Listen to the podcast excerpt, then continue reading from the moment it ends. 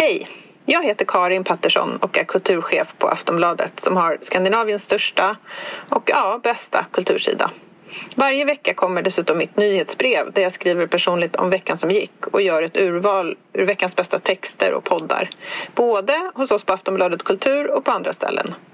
Nyhetsbrevet kostar ingenting och du får första tjing på inbjudningar till våra event och samtalskvällar om litteratur och idédebatt.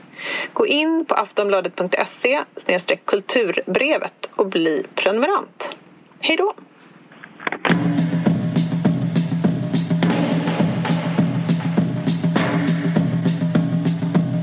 Den här veckan har vi ett samarbete med Fotografiska i Stockholm. De har just öppnat en utställning med den otroligt skickliga konstnären Lovisa Ringborg. Mm. Utställningen heter Mirage och består eh, förutom fotografier och måleri också av en helt ny skulpturinstallation som heter mm. Stray Dogs. Mm. Eh, och det är tre eh, typ herrelösa hundar som möter en direkt när man kommer in i utställningen väldigt uh, intressant. Människans relation till hunden. Det är uh, något som då, den här konstnären Lovisa är väldigt fascinerad av. Just hunden och liksom hundens relation till människan. En herrelös hunds uh, kropp kan säga väldigt mycket. Den kan se skamsen ut, den kan vara aggressiv. Eh, någonting som eh, man som människa direkt kan känna. Mm. Uh, väldigt intressant. Uh, Mirage betyder uh, då synvilla eller hägring. Och det är också titeln på en av verken i utställningen. Um, den föreställer en teaterscen mitt i ett naturlandskap i en glänta i skogen där träden har börjat ta över scenen. väldigt, väldigt vackert och mystiskt och drömlikt. Um, jättespännande, underbar mm. upplevelse att gå dit och titta på detta. Ja, jag har sett lite av eh, hennes verk och sådär och sett de här hundarna och hur hon gör dem. Och, ja. eh, alltså är det, det riktiga väldigt... hundar? Nej, nej de, de är, jag tror man kan eh, placera dem i en naturalistisk konsttradition. För de är liksom, de ser väldigt, eh, de är gjorda det tyckte jag om, att hon, hon, gör dem, hon svetsar ihop liksom ett skelett av järn och sen så eh, tar hon självtorkande lera som hon liksom helt eh, intuitivt typ blandar med jord. Mm -hmm. och liksom, eh, så det ser väldigt, liksom, ska man säga, taktilt och köttigt ut mm -hmm. i ordets rätta bemärkelse. Och det tyckte jag var fint, jag hörde en intervju också med henne där hon pratade om att som jag, kan, jag kan faktiskt hålla med om det, att det finns någonting som är avstängt i ett foto. Alltså det finns liksom en yta som är um, som, som en distans. Mm. Och då så fungerar hundarna liksom, och, det, och jorden och leran de är gjorda av som en, ett sätt att göra det tredimensionellt och eh, addera någonting till upplevelsen av den här tvådimensionella eh, fotografiet och det tvådimensionella landskapet. Så att liksom, det är nästan som om man har tagit ut material från fotot och placerat på hundarna. Men det är skönt, skönt för oss som, oss som är rädda för hundar att det inte är riktiga ja. hundar heller. Ja, men för oss är det här det är våra drömhundar. Alltså, vi är så rädda för hundar och nu så kommer de inte hoppa på oss. Nej. Men vi får däremot se deras skönhet. Jag kan ändå uppskatta en vacker hund och de här var väldigt ja, vackra. Alltså, man har ju en relation till hunden. Alltså, jag menar, det här utforskar ju människans relation till hunden vilken, vilken relation den än månde vara. Ja. Även om det då är uh, ett starkt ogillande som det är i vårt fall. Uh, vi, vi, älskar, vi älskar konst. Så att så här, är, det, är det på något sätt man vill uppleva en hund så är det på det här sättet. um, och, uh, ja, vi, ett underbart erbjudande. Ja. Som medlem... så här att alla människor i världen är hundmänniskor. Mm. Alltså förutom kanske vi. Mm. Men liksom alla andra är ju det. Så att jag tror att det finns liksom, folks relationer med hundar är liksom starkare än relationer med släktingar eller liksom, mm. liksom familjemedlemmar. Helt ärlig. jag var ju innan en kattmänniska men nu har jag släppt katter också. Så nu, nu, har, nu finns det inget i mitt hjärta. Du är men herrelös. Okay. Mm. En herrelös uh, matte. Uh, jag fattar. Uh, katter är det sjukaste som finns. Men vi går vidare.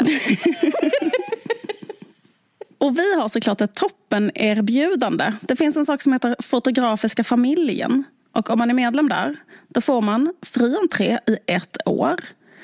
Och man får alltid massor av erbjudanden från Fotografiskans butik och från akademin och restaurangen. Man får inbjudningar till förhandsvisningar, specialevent. Eh, och det är massa olika typer av... Eh, alltså all, inget, inget besök är det, det andra likt. Så det är otroligt eh, spännande att kunna gå så många gånger. Exakt. Så uppge varg när du tecknar det här årsmedlemskapet. Då får du 200 kronor i rabatt. Mm. Gäller maj ut, så skynda att fynda. Precis. Det blir underbart. Helt fantastiskt. Lovisa Ringborg, alltså. Otroligt intressant eh, konstnär. Så gå gärna och kolla på det. Mm, Fan vilken mysig eh, liksom, eh, söndagsutflykt, dejt, eh, eh, eh, vad heter det, self-care eh, aktivitet eh, själv. Ja. Eller bara ehm, liksom ja, bara en supertrevlig utflykt. De, fotografierna påminner mycket om eh, Rousseaus målerier, om du kommer ihåg de här trädgårdarna och djunglarna. Som, alltså, det är verkligen min stil. Nice. Tack i alla fall, Gör det. Fotografiska. Tack, Fotografiska. Vi är jätteglada att vi får samarbeta med er. Mm. Tack. Tack så mycket. Apropå djur, mm. så var jag red igår. Wow! Otroligt. Ja, ja På eh, en häst. eller hur? Mm, mm, verkligen. Ja, det är så underbart. Jag har gjort det flera gånger. Och eh, typ att, eh, den typ av eh, grej att man åker till typ eh, ett naturområde och sen så rider man i naturen. Just det. Eh, på islandshästar. Mm. För jag kan inte rida. Jag red när jag var liten men mam, min mamma jobbade bredvid stallet och det, folk kom in och var så kickade i huvudet av hästar och sånt. Så hon, eh, hon, hon, tog mig ur rid, ridskolan. Nej men det är underbart. Jag har gjort det innan och jag har gjort det i Skåne till, med Coco Moddesson, mm. name dropping, alltså Lukas mm. Moddessons flickvän. Mm. Förlåt, hon har fru till och med. Ja. ja, fru. Och hon har också en egen karriär. Hon är jätteduktig. Hon är jätteduktig. Ja, nej, men fall, nej, men grejen är, eh, jag, men fast jag kunde inte göra det igår, klarade jag inte av det. Jag fick liksom en panikångestattack. Mm-hmm. Eh, och jag kanske borde skämmas mer, men jag gör inte det. Jag blev så himla... Det var så himla fruktansvärt att vara där med hästen. Mm-hmm. Eh, för den... Jag måste beskriva hur jag känner mig. Eh, jag kände mig. För det var liksom, jag åkte dit, var på ett gott humör, var ett frejdigt gäng. Mm. Jag fick min häst mm. som hette typ... Huldur? All... Hildur? Ja, men, Nej, eller, eller ja, Heimdall? Eller typ Guppy. Alltså de heter alltid okay. typ sådana saker tycker jag. Eh, eller typ För ibland heter de fornnordiska ja. namn. Alltså de skulle kunna Gajor, typ. Eh, Heidrun, kanske? Ja, ja, faktiskt. Kanske det gjorde det. Nej, men sen så, men sen så började liksom hästens rumpa mm. hoppa och studsa jättemycket. Jag stod och höll i, tyg, i tömmarna. Ja. Förstår du vad jag menar? Ja. Som att hästen... Innan du var uppe på ryggen? Alltså. Innan jag var uppe på... Usch! Liksom ja, den den liksom sparkade lite bakut, på, så att säga. Jättemycket bakut. Men, Usch! Så, liksom, som att den var liksom rastlös, om du ja. Och sen så sträckte den ut och så stod jag där med höll, höll tömmarna, ja. tyglarna, jag vet inte. Och, ehm, och då började den liksom frusta också och, och, och, och sträckte ut sin långa tunga och visa tänderna som man tänker att hundar gör när de ska morra. Ja. Fattar du vad jag menar? Ja. Upp, de visar tandköttet ja. för mig. Men jag tror att hästen kände in mig. För jag hade redan fått ofeeling för vi var på ett sånt um, riktigt deprimerande ställe. Det, jag, jag vet att det är, i Malmö så är det typ eh, sommar men det har blivit höst i Stockholm igen. Mm. Så vi, man, regnet öste ner och vi stod typ så någonstans det, alltså Stockholm är inte vackert på samma sätt som Skåne är till exempel. Så vi stod någonstans liksom, lång, bredvid en golfbana bland massa tallar och så fick man hålla i en sån häst som Så hästen och jag, vi älskade inte varandra. Och, då kände, och det jag kände var exakt samma som när jag var lärarvikarie. Jag vet inte om du har gjort det någon gång? Om du har varit Nej. lärarvikarie? Jag har inte varit. Nej. Fast jag har ibland hållit All... föredrag. Jag kan tänka mig det är lite grann samma sak. Jag har haft vissa fruktansvärda upplevelser av att stå framför en sån typ eh, folkhögskoleklass som stirrar på en. Eller kanske en, en eh, etta på gymnasiet. Mm. Ja, nej, men jag var eh, på en, en sån problemklass eh, i ett av Malmös mest utsatta områden. Alltså de, på högstadiet, de brukade Vissa kom inte dit, eh, andra tände eld på papperskorgen liksom, mm. regelbundet och eh, andra eh, boffade mm. eh, på rasterna. Så, mm. alltså, tog en slags drog. Alltså, jag vet inte exakt hur man gör, men skitsamma, de gjorde mm. det och det var en stor grej. Och då kände jag, jag har, inte, jag har inte känt den känslan på kanske 15 år, för jag var typ eh, 25 när jag, gjorde, när jag var lärarvikarien. Men då kände jag, för det, det de ville ha av mig var att jag skulle vara en auktoritet. Jag skulle stå där och säga att så här, det här är rätt och det här är fel. Och den där hästryttartränaren, eller vad säger, ryttarledaren, hon var också så här, visa vem som bestämmer. Visa, visa hästen vem som bestämmer. Ja, ja. Uh, och då fick jag tillbaka den känslan av att jag bara nästan så här, liksom gick upp i, alltså ångade upp alltså mitt jag ångades upp i luften av att jag bara splittrades i atomer och jag kände liksom att för mig är det inte självklart att jag bestämmer. Jag, bara, jag känner att hästen bestämmer. Alltså hästen bestämmer. Ja. Hästen kan döda mig nu. Och så kände ja. jag när jag var, exakt när jag var lärarvikarie. De här eleverna, de kommer döda mig. Och ja. jag vill bara lägga mig ner på det här golvet. Och låta det ske? Typ, eller? Och låta det ske och bara vara så här. Jag vet inte om... Eh, ja, Gustav Vasa i och för sig, han dog där och då men på andra sidan så du har kanske rätt, varför ska du lära dig det? Varför kan inte du bara gå ut genom dörren och bränna upp den här papperskorgen? Ja. Alltså jag kände så här, de kan ha, ha, exakt lika, deras tyngd i auktoritet, mm. alltså de har lika mycket rätt som jag har. Mm. Och jag, alltså på ett så filosofiskt plan, ja du kunde inte liksom... Ja, jag, jag, kunde liksom inte framma, jag kunde liksom inte nej. piska upp känslan av att jag stod över de här barnen. Så här, dö, dö, dö, dö. Det är så man ska sätta hästen. Man ska ryta med sån låg röst. Typ så. Men jag fick som en sån, mi, alltså så mikroskopisk livskris istället. Och, då började jag tänka typ så här att alla som red och alla som har djur är egentligen fel på dem. Vad är det för konstig sån sadomasochistisk lek? Att det finns ett plats, liksom, att jag ska ryta till någon och då, jag är den som bestämmer. Och, varför ska jag vara det? Alltså, varför ska ja. jag hålla på och dra de här tömmarna? Ja, tills jag bara kände mig helt så snurrig och bara rädd. Att jag, för den började hålla på att studsa med rumpan hela tiden. Mm. Och då bara kände jag så om jag ställer mig lite hitåt så kan jag få typ en hov på mig mm. och dö. Ja. Och det kände jag, det var den känslan som var äkta, det var inte att jag var auktoritär. Så att jag hoppade av och det var 750 spänn i sjön. Men skitsamma, det, jag, kom, jag gick ändå därifrån väldigt glad. För det var så underbart att gå, äh, ge efter på sin ångest tycker jag. Att vara så här, inte gå emot sin ångest. Så jag var så här, jag var jätte, så här, skuttade därifrån, var jätte, hade jättemysigt. Jag gick in till golfklubben, fick ladda min mobil, snacka med killarna. Men jag tycker det är coolt av dig att du vågar säga då, för att bli, bli, blir det inte massa mm. sånt då att de blir så här, va? Nej, du kan inte avbryta nu. Och, alltså, eller vad händer då? Nej, men folk tycker att man är jättepaj och jättedum i huvudet. Men mm. eh, Eh, men sen prat, hade jag typ en filosofisk diskussion med, alltså, jag älskar kvinnorna som jobbar där för de är så jävla snygga. De är typ så här fårade i ansiktet, jätteblonda, mm. svinsnygga gamla kroppar men ändå mm. typ med röv. Förlåt, mm. hoppas att de har lyssnat på det här. Och typ så här, jätte, jättesnygga kläder, det är en snygg stil. Och så mm. är de så här Um, det är så jävla snyggt. röker inomhus. Ja, jag vet. Alltså det är så underbart. Ja. Det är så underbart. Antingen har de en, en, kanske en, en fodrad hel overall så från topp till tå, vilket är så jävla ja. snyggt. Eller har de typ eh, alltså, ridbyxor som är det snyggaste plagget som finns. Oljerock, Verkligen. nummer två, snyggaste plagget som finns. Stövlar, fruktansvärt snyggt. Men också så att hästar och sig går hand i hand. Jag ja, älskar det. Liksom.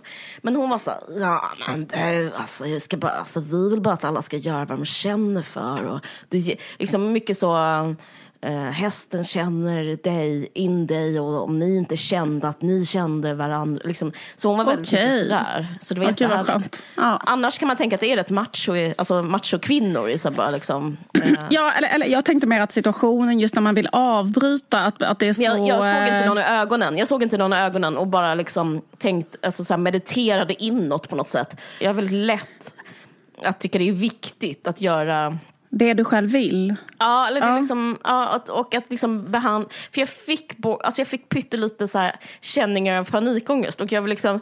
Eh, den är min... Eh, det blir min kompass jättemycket. Mm. Mm. Jag vill liksom verkligen undvika att liksom känna hur... Typ, Men det är väl, man kan ju bli väldigt rädd. När jag var liten så red jag. Jag var mm. livrädd. Alltså, jag kommer ihåg eh, många gånger att jag trodde, alltså att jag var, satt i bilen dit och hade så ont i magen och var så rädd. Så att jag kommer ihåg att jag, min enda tanke som lugnade mig var att tänka så här. Om jag dör, vad gör då det egentligen? Alltså, typ att, när, Jag vet. Liksom att när jag kom Det är så man så här- tänker när man- man tänker så här, liksom när- att, det är enda sättet nej, nej, men det är som enda sättet att bli lite lugn. Typ att så här, jag accepterar då det. Ja. Alltså då får det får bli mitt slut då. Liksom. alltså typ så att jag liksom dog för att jag var så jävla, jävla, jävla, jävla rädd. Alltså för det är väldigt obehagligt att rida på en, på en häst som kan göra exakt vad som helst. Som du säger så kan de ju döda en lätt om de bara får, får, får, får liksom, om de bara liksom... Vet när man, där, där, där man på det konstiga humöret. Mm. Men jag, alltså, det är ju exakt samma känsla man får av att köra bil när jag tänker på det. Jag kör här men eh, jag liksom en hårsmån från att också vara död nu eftersom Absolut. eh, det är liksom, så, är, så tycker jag det. Men jag fattar inte hur folk gör det. Alltså Nej. att det, att det går runt liksom. Helt otroligt. Bra gjort. Eller, liksom, eller vad ska man säga? Eller, eller är det fel att det går på din ångest? Jag tror för att det beror på att du är den här... Men, nu, du nu har jag glömt. Det är så vet- många som säger att det är fel Ja. att gå på sin ångest. Jag Ja. känner också typ att det är dubbel bestraffning. För det var så jävla gött att gå på sin ångest. Jag fattar haft- vad du menar. Jag har Ja. inte ångrat det en sekund. Och sen, vad som hände när jag kom hem, det är väldigt gulligt. För jag var med min dotter och red Mm. för ett år sedan. Och då hade hon, då var hon ett barn, hon ska typ vara rädd. Men hon vågade inte sätta sig på hästen. Eh, hon var rädd för sadeln, hon var bara fyra Mm. år då. Så lite, de, barn är så irrationella. Eh, så hon red barbacka och då gick det bra. Men då hade, fick hon ett diplom, en sån här medalj. Nej. Och eh, sen när jag kom hem så berättade jag, jag lyckades inte, jag, det blev ingenting. Mm. Då gick hon bara, försvann hon in i sitt rum och så kom hon och så gav hon mig det här lilla, den här lilla medaljen och sa du ska ha den här. Nej. Det här är sant. Så jag, vet, eh, för att hon fick den när hon inte klarade. Hon bara, "Ja, det är då man ska få den, sa hon.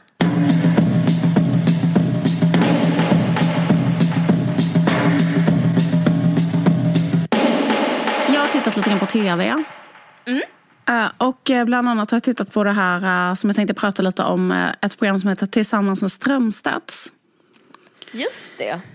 Det har man sett, det har jag sett. Ja, där då, eh, alltså vad heter det, Niklas Strömstedt och Jenny Strömstedt som åker runt och ehm, det står så här i beskrivningen. Kända, framgång, kända framgångsrika par diskuterar, förlåt jag skrattar, hur, diskuterar hur de vårdar sin kärlek och hur de går framåt med, bibeh- med bibehållen passion. Ja, det, var, det är inget fel på det upplägget. Fast det blev, det blev så cringe nu när du sa det out loud. Ja, okej. Det är liksom konstigt att... För jag fattade inte att det var det som var grejen, att det var kända och framgångsrika par. Nej men det jag menar, jag tycker, jag tänker typ att man, att typ så här, man har jargongen kring ett sånt program är att så bara, nej men det bara råkar bli dem. Ja. Och, alltså förstår du vad jag menar? Det är så pinsamt att det är så uttalat att de måste vara kända. Alltså så här, Ja. Väldigt kända personer som... Nej men i alla fall. Men jag, då, de åker runt och träffar par och så typ, kanske de sover över till och med hos dem. De är hos dem ganska länge, kanske ett dygn. Och så pratar de liksom, eh, med dem om hur de eh, eh, liksom har det i sin kärleksrelation. Och eh, jag får liksom jättemycket känslan att det är som att det blir lite i programmet eh, som en slags liksom, tävling. Eller att det är så mycket så här, vem har det bäst? Alltså, För att jag får känslan Av, av... av strö, mellan Strömstedt, alltså att Strömstedt är- är lag A och då typ så här Ja, alltså jag upplever det liksom som att Je- Jenny Colin Nutley och Helena Bergström är liksom, att det är de ni- mot dem typ. Ja, eller typ att jag upplever det som att Jenny och Niklas Strömstedt har Sveriges bästa förhållande. Och jag är inte ironisk nu, utan jag tror att det är så på riktigt. Plus att han Verkligen. är liksom en så här människa som kan en- man som kan prata om känslor, vilket är ganska så ovanligt. Han är ju lite så här gitarr... Alltså jag tror att hon... Alltså, så de kanske sitter hela tiden och pratar om hur de har det och hit och dit. Mm, Eh, Jag tror att de är kära och tacksamma liksom, för varandra och att de liksom hittat rätt. Och så. Nej, men jag, tror de, de, jag tror de har det jättebra. Sen tycker jag att det är så att de åker och hälsar på och sen så ska man liksom som tittare... Eh, alltså att det går ut ganska mycket på att man ska se liksom hur, hur bra... Eller liksom att eh, folk som fortfarande är ihop måste ju på något sätt vinkla det till att det var bra att vi var ihop. Och, alltså fattar du vad jag menar? Det går ju inte att vara med i det programmet och vara så här Nej men helt ärligt så borde vi ha skilt oss för 15 år sedan. Alltså, Gud vad kul. Ja, nej, men alltså det går ju inte utan de måste ju så försvara sina livsval och sånt. Speciellt när man är med i ett sånt program. Ja, det manifesterar, alltså det liksom blir en yttre... Eller så här, jag borde egentligen ha Ja. en helt annan typ av man. Ja men visst, det går ju inte, kan man inte säga där och då. Och de kan ju inte heller berätta så här, eh, saker som verkligen är dåliga. Typ så här, okej vi har inte legat med varandra sedan 1983. Typ. Alltså, Mm. Eller något sånt kan de inte heller säga. Utan det Nej. blir mycket att de försöker säga det mest positiva och så. Mm. Eh, på något sätt. Eh, och det gör att det får lite karaktären av en tävling. Alltså vem Just har det det. bäst? Just det. Och då tycker jag att man, det hade varit kul om man bara drog det ännu längre så att det bara var en tävling. Alltså typ att det var så här eh, att de kanske i slutet, att Jenny och Niklas gav dem poäng typ. Och sen i slutet så fick en eh, ett pris kanske. Mm. Att det skulle vara som så här Sveriges sämsta bilförare. Jag har aldrig sett det men jag kan tänka mig att det är så att Sveriges sämsta bilförare att de ändå har liksom en tävling och att det, att det är någon slags turnering eller sånt där. Mm. Mm, jag har inte heller sett det, men, Nej. Men jag, jag, kan tänka mig det. Precis. Eh, men alltså, jag tänkte att jag skulle ge dem poäng. Jag har bara orkat se tre avsnitt för jag har inte alltid i världen. Men du, är det, Det ska är det, ny, säs- är det ny säsong eller? Mm. Ja, kul. Ja, jag är jättespänd. Mm. Shoot. Första, första paret som jag tänkte prata om är Julia Duvenius och Kristoffer Wolter. Japp. Eh, men de tycker jag var ett sånt par eh, som... Eh, jag menar att de har varit tillsammans himla, himla länge och ska göra en imitation själv. De pratar göteborgska, så sitter de så framför en skaldjurstallrik och så här, i ett jättevackert hus vid kusten och, och säger så här. Vi har bråkat och bråkat och bråkat. Nu får du själv föreställa dig min imitation. Jag ser dem. De är väldigt vackra båda två. Gud vad vi har bråkat du och jag. Gud vad vi har bråkat. Vi har bråkat och bråkat. Nej, men i alla fall, de har haft kriser och de har sprungit ut genom huset. De har varit ihop i kanske 25 år. Nej men alltså vad jag menar? De blev ihop när de var kanske 19 typ. Just det, typ när de gick på scenskolan eller något Och så är det så här, de är jätteolika. De vill göra helt olika saker. Hon vill bara ligga in och läsa. Han vill hela tiden vara ute på Nordsjön typ. I en Vad är det? okej. Om du förstår vad jag menar. Nej, jag bara. Jag fattar. Nej, men, ja, men exakt. Alltså ja, okej, han, är en, han är liksom en doer, hon är mer en reader. Exakt. Kanske. Och sen är det så här, ja, det, vi har bråkat hela tiden och så där. Och sen så, så slutar det med att de säger så här. Den gamla Nordsjön den Nej, men vi ska inte segla över. Nordsjön, Stoffe. Tyst. Vill inte. Och så så här, tyst, jag vill inte. För att han pratar om att han vill vara ute och segla. Usch. Eh, nej men då bara tänker man så här, eh, varför... Nej men att jag bara menar det att vissa människor, att det är så konstigt att det finns en... Um, ett postulat i programmet som är så att det är bra att vara ihop. Just det. Och sen så när man tittar på det så tänker man så här, men varför, varför ska man vara ihop i liksom 20 år om man då... Alltså man skulle, själv- om jag skulle vara programledare skulle jag ställa frågan så här, men varför gjorde ni inte slut för kanske 15 år sedan? Förlåt. Får de lågt betyg då av dig? Eller? Ja, de får eller? två av fem. Men får jag bara fråga en sak? Mm. För deras utseende och typ den här friktionen, det kanske skapar en otrolig sexuell energi. Det skulle inte kunna ge dem pluspoäng. Eh, inte så mycket sexuell energi som man får när man skiljer sig och träffar någon ny. Okej, okej. Ja, ja, Alltså fair den, enough. Mm. den energin går inte att uh, suggerera fram. Nej. Inom, eller inte enligt min erfarenhet, förlåt. Nej, nej, nej. Okej, ja, nej, jag bara tänkte Ja, att det skulle bara, vara det var vad jag skulle säga då. Mm. Ja, jättebra. Spännande. Eh, sen nästa är eh, Aje Philipsson och Bettina. Åh, ja, just det. Men det var rätt så kul därför att han är liksom han är ju 72 eller något sånt. Ah, Okej, ja.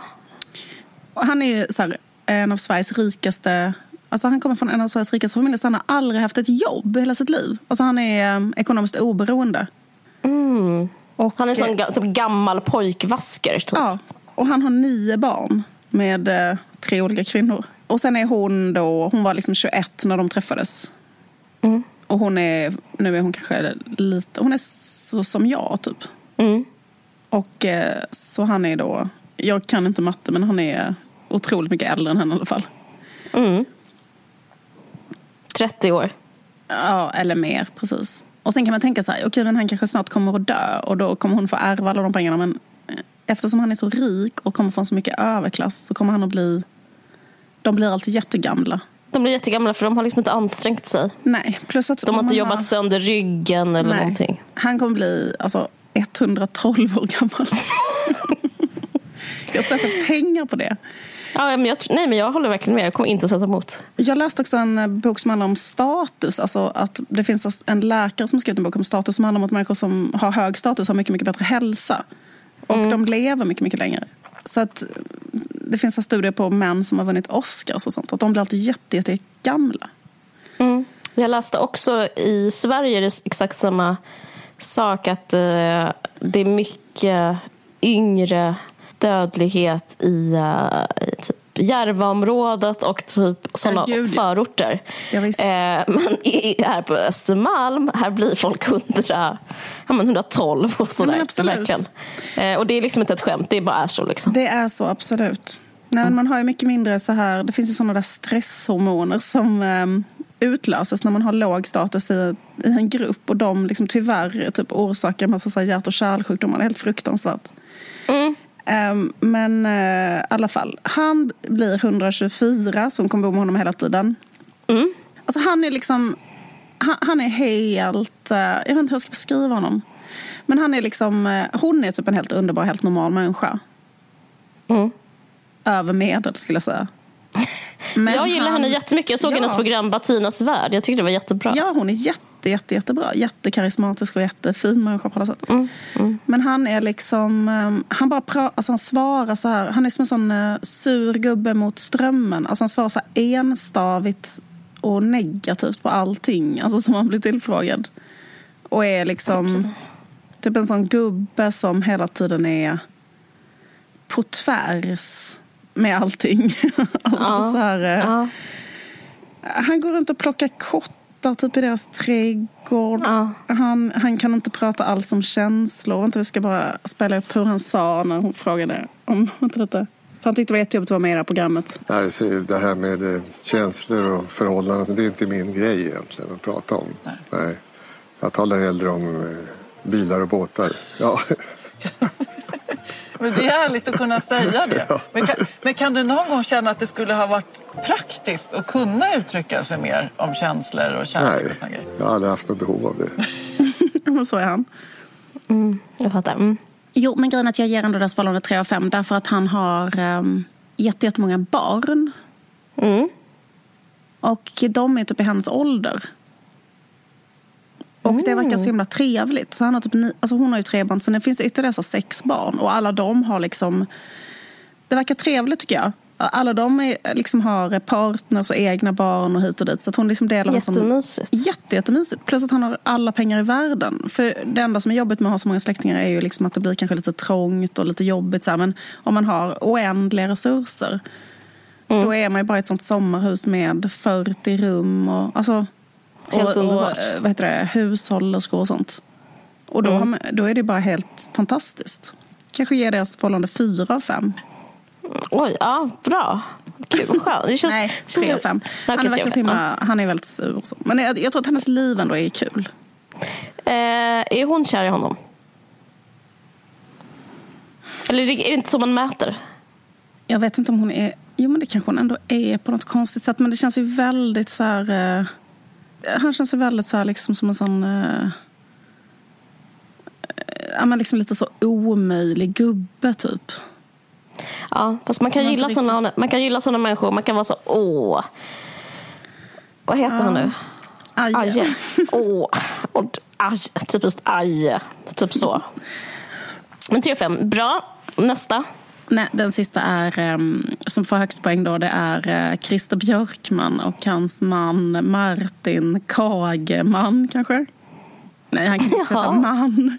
Kageström, Kagefors kanske? Du vet vem Christer. Björkman är? Ja, nätt och jämnt alltså. Jag vet. Jag vet också vad nätt och jämnt om det är. Ja, jag har aldrig Men- sett Mello eller någonting. Men jag vet att han är Mello-general typ. Exakt. Mm. Men, men han är tillsammans med en typ kanske 17 år yngre kille. Som han har varit Kul. gift- Som han har varit gift med jättelänge också. Vilka så. åldersskillnader! Vad, är det typ en del av kändis... Eh, jag ska, inte, jag ska liksom inte avvika från din spaning, men jag bara undrar som en bispaning. Att det var så här, det har ju alla de här tre gemensamt. Just det, förutom Volter och eh, Duvenius. De är Ja, men, men, Okej, jag menar, jag Men menar Strömstedt. Nu Strömstedt, skulle det kunna vara så att jag, att jag bara kommer ihåg fel. Men jag vet, ja, men alltså att jag sa att alla hade 17 års åldersskillnad nu. Men, nej, men, Ja, ja, ja. Mm. nej, nej, men alltså de här har en jättestor åldersskillnad. Alltså han, De har Christer. Björkman är äh, äh, typ i pensionsåldern. Alltså någonstans vid 65 tror jag. Och den här andra killen kanske är 47. Mm. Och det är ändå rätt stor skillnad. Mm. Men jag tror att de blev ihop liksom när han var jätteung då. Kanske bara lite över 20 typ. Eh, den här killen då. Och han är ju en sån person som liksom älskar Melodifestivalen. Och så kanske jobbar med musikal och så. Alltså hans man. Och liksom har typ så här, kanske körat bakom en massa kända artister i Melodifestivalen och så. Och sen så är det, det här har jag hört jättemånga gånger innan. För att jag har, eftersom jag är en sån person som är intresserad av att läsa om folks andra människors förhållanden. Så visste jag redan detta, för jag har redan läst intervjuer om dem och deras förhållande. Men deras stora liksom, narrativ i sitt förhållande är så här. Att ehm, Martin liksom ville... Alltså hans stora dröm har alltid varit så att få vara med i Melodifestivalen. För det är det ju för en viss kategori av typ, eh, vad ska man säga, artister. Gud, ja. Alltså om du är artist i en viss genre. Det, största, det största man kan vara som i, i, I en viss, krets. eh, exakt, om du är artist i, i en viss genre så är det liksom så här. Ja, visst. Det finns inget som är större än det och bla bla bla. Och han då är ju liksom så här, en människa som har hållit på med musik alltid och sådär. Och då säger han så här, vänta. Eh, jag kom med med en låt eh, 05 men eh, fick inte göra den. För, för tävlingsledningen. Ja, för Christer Björkman. Ja. På riktigt? Ja, Ja, förstår du? Nej, men alltså, han får inte vara med. Alltså, hans stora dröm i livet har alltid Men- varit att vara med i Melodifestivalen. Och han kom med, men han fick inte vara med för att det blir liksom jäv för att de är gifta. Vad fruktansvärt. ja, precis. Så hans stora liksom, dröm i livet har, har liksom grusats på grund av det här. Men Jag ska lyssna, lyssna på en sak till han säger här. jag förstod väl att det inte skulle vara möjligt men eh, det var kanske mitt moment som försvann. Gud vad hemskt. Jag blir jättedeprimerad av det här.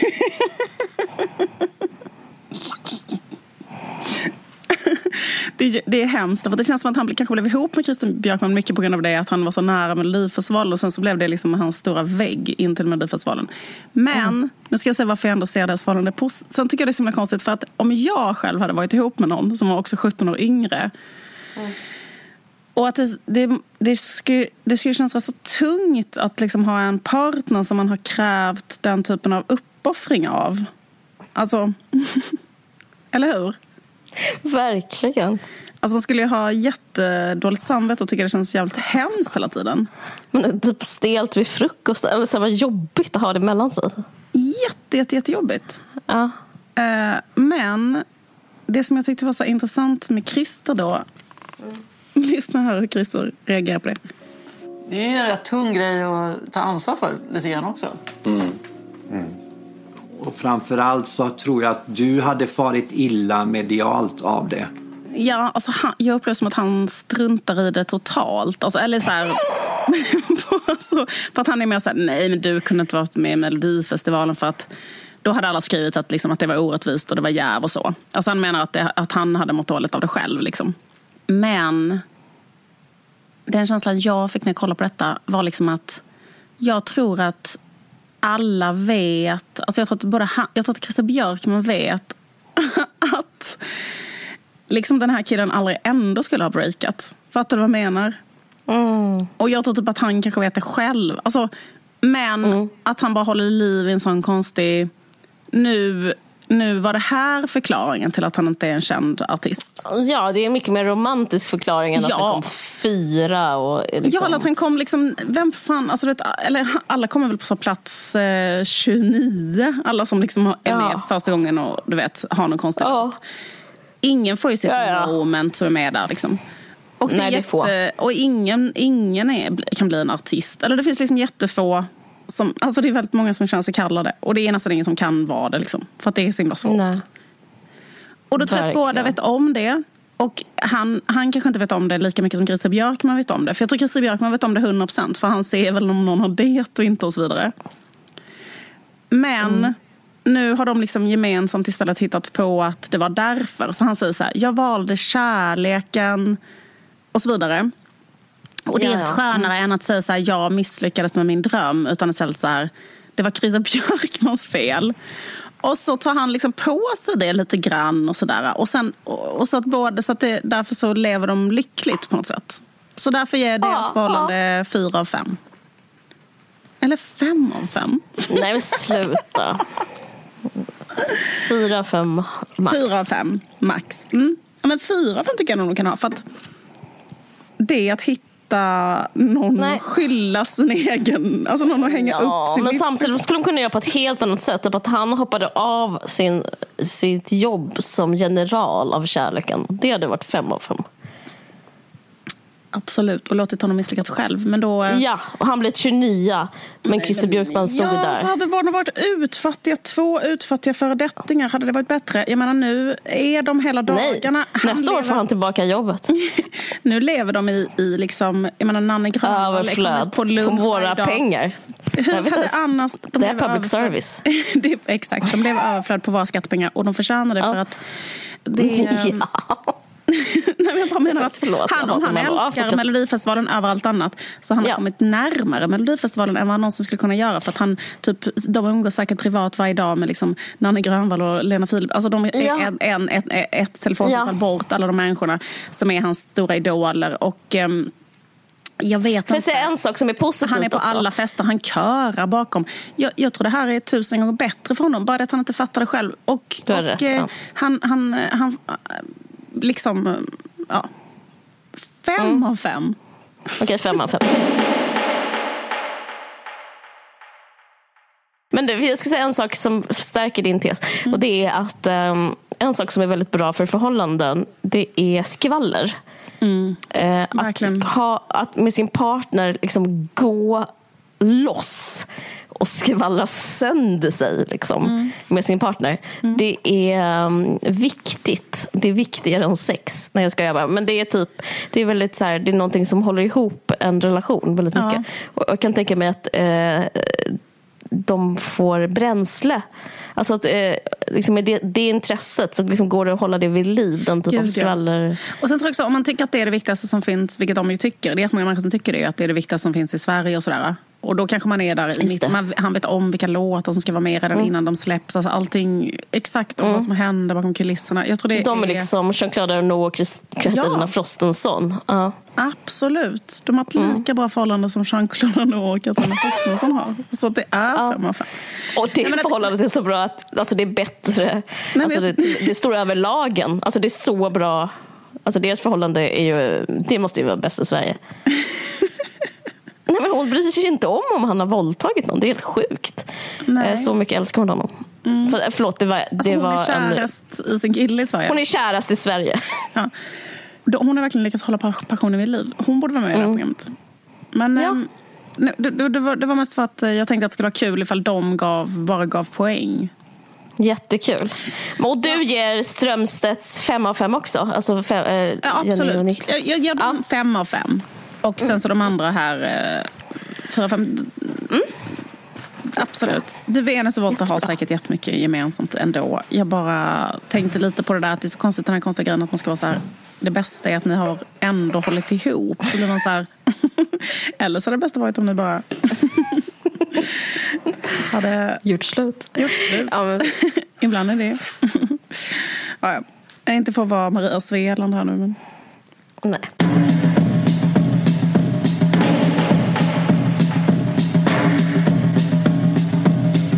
Är sponsrade av DIK. DIK, D-I-K, är facket för alla som jobbar eller studerar inom kultur, kommunikation och kreativ sektor. vilket jag tror är många som lyssnar på den här podden. DIK arbetar för schysstare arbetsvillkor och i medlemskapet så ingår det bland annat en inkomstförsäkring, en personlig lönecoach, en karriärcoach och arbetsrättsligt stöd. Eh, DIKs medlemmar jobbar både i privat och offentlig sektor. Exempel på branscher är bibliotek, kommunikation, reklam, arkiv, museum, datorspel, design eller språk. Yes. Om du studerar inom kultur, kommunikation eller kreativ sektor kan du gå med i DIK för bara 100 kronor under hela studietiden. Då ingår alla fördelar som arbetande medlemmar också har. Eh, och dessutom en studentolycksfallsförsäkring. Kan säga lite vad man kan få om man är en studentmedlem hos DIK. Karriärscoachning. Och eh, det innebär att man kan få bolla sin framtid med någon som kan branschen. Eh, praktisk hjälp med CV-skrivning och eh, sådär.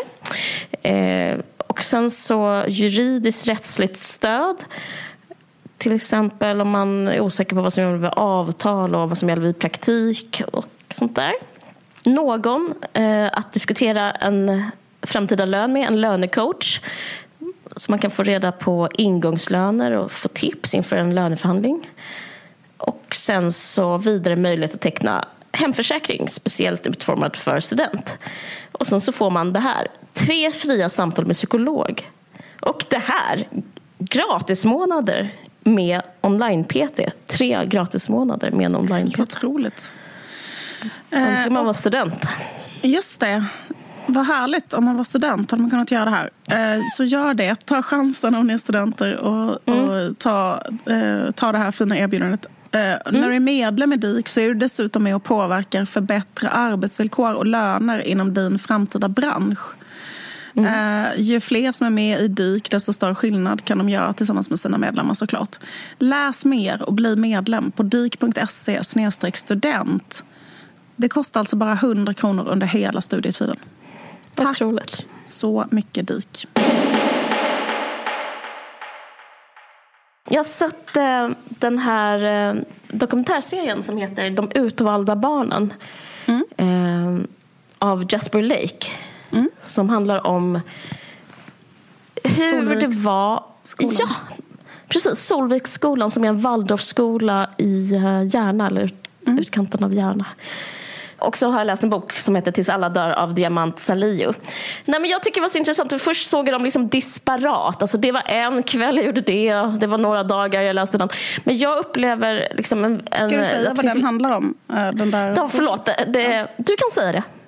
Om du vill alltså. Ja, den handlar väl, det är liksom ett slags journalistiskt reportage som handlar om eh, de här eh, alltså mordvågen som har varit i eh, en sån Precis. cirkel av vedelningsmord som har pågått i, Ja. i Rinkeby. Eh, framförallt. 2015. Från 2015 till, till nu där det har varit typ 17 mord eller någonting. Där bara Ja. ett är uppklarat som varit på väldigt, väldigt unga eh, killar i de här två eh, kriminella grupperingarna som liksom har eh, typ eh, där bara ett är upprätt och inget annat Ja. är upprätt. Och ehm, eh, precis, med de här två gängen som heter Shottaz och Dödspatrullen. Mm. Det, det är en pågående konflikt fast boken är skriven. Så är liksom inte...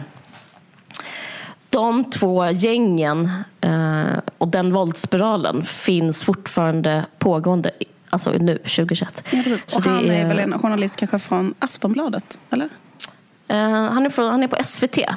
Okej. Och Men han, har i alla fall följt det här jättelänge och eh, det är som ett slags reportage där han intervjuar massa och beskriver olika fall och hit och dit. Mm. Mm, väldigt ambitiöst. Alltså, jag var, fan tvekade lite för jag tänkte att jag skulle recensera den här boken. Men, eh, men, han, men på en, en sida av mig vill inte recensera den bara för att jag vet hur det är att göra något. Det vet ju du också. Och han har liksom gjort 130 intervjuer.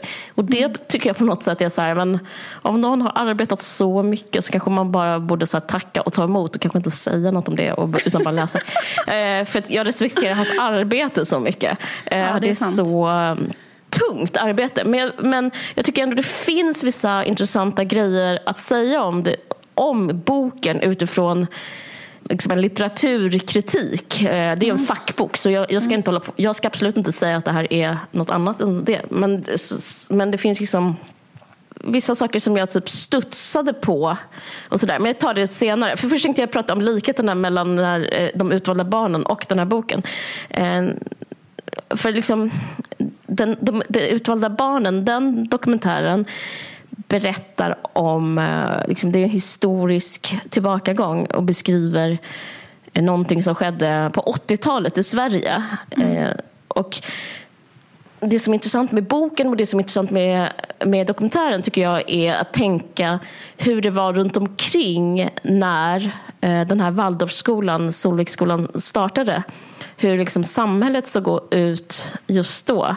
Eh, och då kan man snabbt säga att det var eh, du får rätta mig om jag har fel, men liksom folkhemmet var så starkt. Det fanns mm. en stark välfärdsstat. Eh, det var väldigt rikt då. Liksom, kanske var rikast någonsin.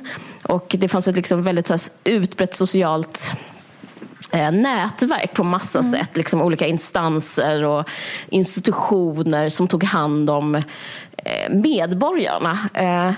Och sen så startade den här sko Waldorfskolan. Det var många som startade skolor och eh, jag tror att det är viktigt för de som går Waldorf och liksom startar sådana skolor att säga att det, de är olika sinsemellan. Jag har förstått det som jag tror att... denna till och med är så här, kanske nästan uteslutande ur Waldorf. Alltså den här är den mest extrema ja, den här, skolan i, inom Waldorf. Det är liksom inte en typisk Waldorfskola utan en väldigt Exakt. experimentell Waldorfskola. Ja. Mm. Men jättekortfattat kan man säga att den startade som en med en vilja, eh, mer liksom Rudolf Steiners eh, filosofiska lära i, i grunden om att, lära, att människan är fri och att man eh, liksom kan lära sig via konst och via naturen och via liksom någon slags eh, kontakt med eh, liksom andlighet och natur och konst mer än eh, läxor och undervisning och böcker och matte mm. och sånt där. Så skulle man eh, liksom, att, man skulle sjunga precis och ha, mm. hålla på med något som heter erytmi och sådär. Mm. Eh, alltså det, men, men, det, men, grejen är viljan och det här får också rätta mig om jag har fel, men jag har förstått som viljan när man startar, liksom incitamentet till att starta den här är att man förkastade eh, det samhället som fanns ja. eh och ville ha ett alternativ som ja. var eh, som byggde på ett utanförskap. Att säga nej och starta, liksom, det blir som en alienering åt ett avstånd och mm. skapa ett eh, minisamhälle där inte samhällets regler ja. som vi känner till dem eh, gällde längre. Att, mm. Och även vad det gäller till exempel de är emot vaccin, jag kommer absolut inte gå och tjata om det, men liksom, det är en del av det liksom att eh, även liksom reglerna om typ alltså normerna kring sjukvård kring, eh, och kring skola och kring undervisning. Allting som så bygg, bygger idén om så här, det här är Sverige, det här är typiskt svenskt. Eh, förkastade dem och bara ville ha Eh, alltså de vill alienera sig från alla de här konservativa, eller jag behöver inte ens kalla det konservativa, alla, alla regler helt enkelt. Men så här, bara liksom som att de ville att ja. um, det känns som att de, vill, att de, att de, att de ville liksom skapa ett nytt slags samhälle och via mm. liksom barnen att skapa nya slags människor.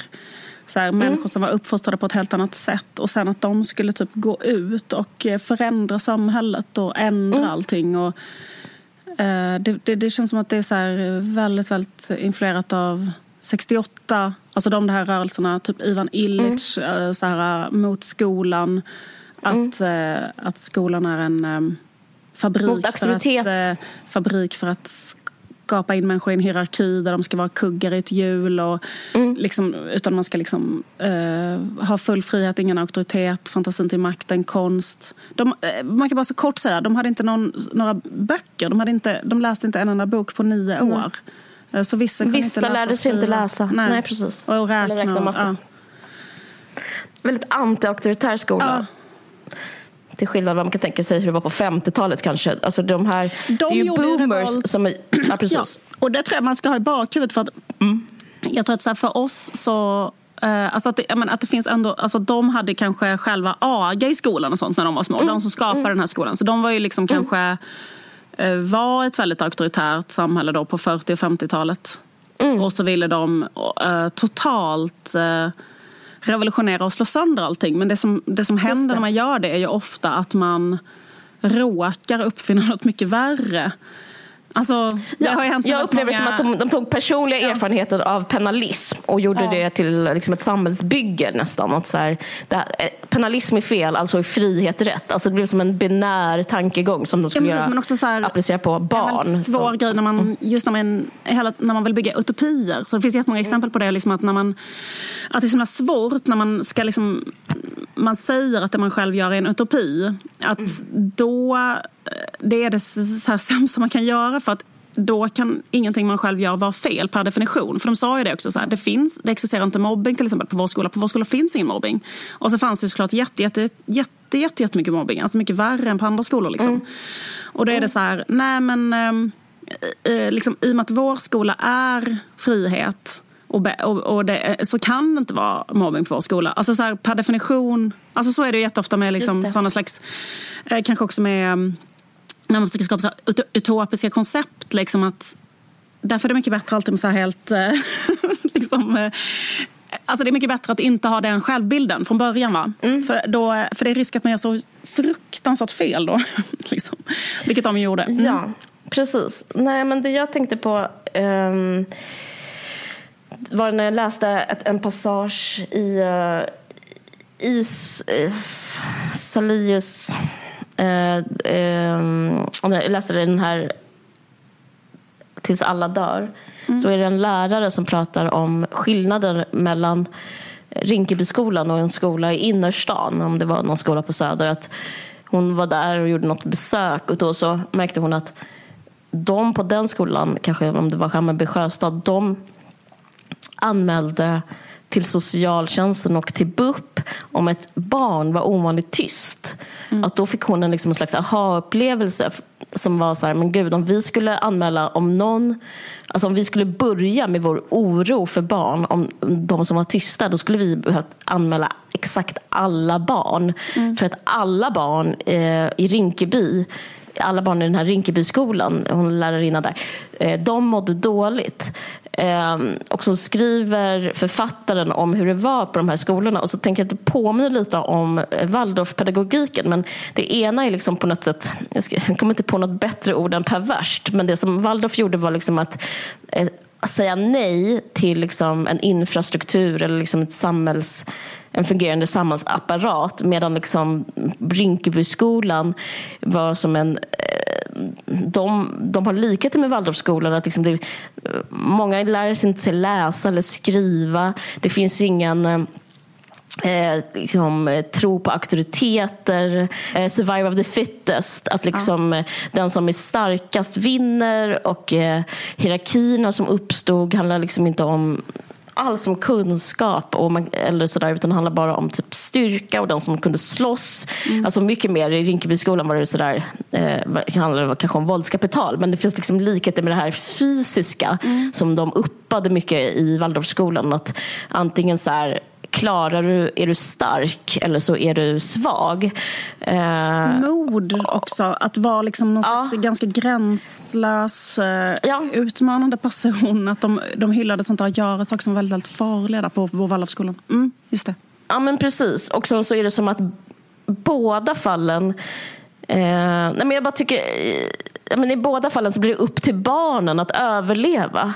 Eh, vilket jag tycker är an, anmärkningsvärt. Och, liksom, och det, jag tycker inte den här boken, jag tycker boken klar, eh, skriver fint om det här men jag tycker i media har också varit väldigt mycket i alla fall kvällsjournalistiken om man skriver om eh, de här eh, morden att man eh, ofta pratar om liksom att hur dåliga de här barnen är. Alltså, och det skulle man liksom aldrig kanske... eh, nu har det kommit fram i eh, där Jesper Lakes, dok, Jesper Lakes eh, dokumentär att så här, vissa barn har inte lärt sig skriva och läsa, vissa barn kan inte få ett jobb, vissa barn...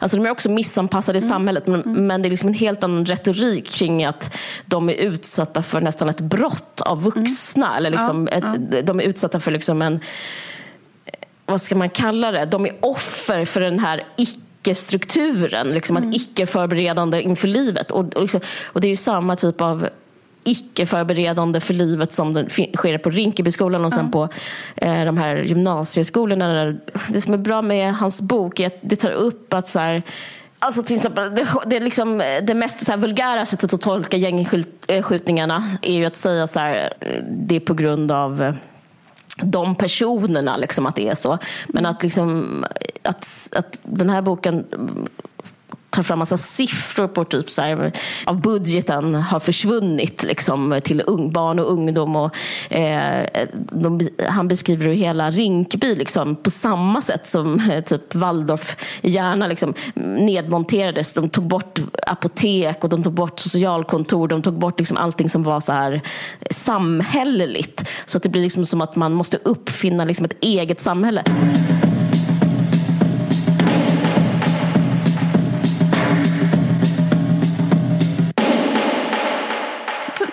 Att ni lyssnade. Tack Caroline. Eh, tack för till eh, dig. Det här, eh, din, eh, din fina insats i det här avsnittet. Tack till dig som lyssnar. Tack. Stor kram. Vi ses om två veckor. Hej. That my best friend. She a real bad bitch, got her own money. She don't need no nig on the dance floor. She had two, three drinks, now she twerking. She throw it out and come back in. That's my best friend. She a real bad bitch, drive her own car. She don't need no lift in a strip club. No, my girl gon' tip. Now she twerking, she throw it out and come back in. Beep, beep. Is that my bestie in a tessie? Fresh blowout, skin on town. Du har lyssnat på en podcast från Aftonbladet. Ansvarig utgivare är Lena K Samuelsson.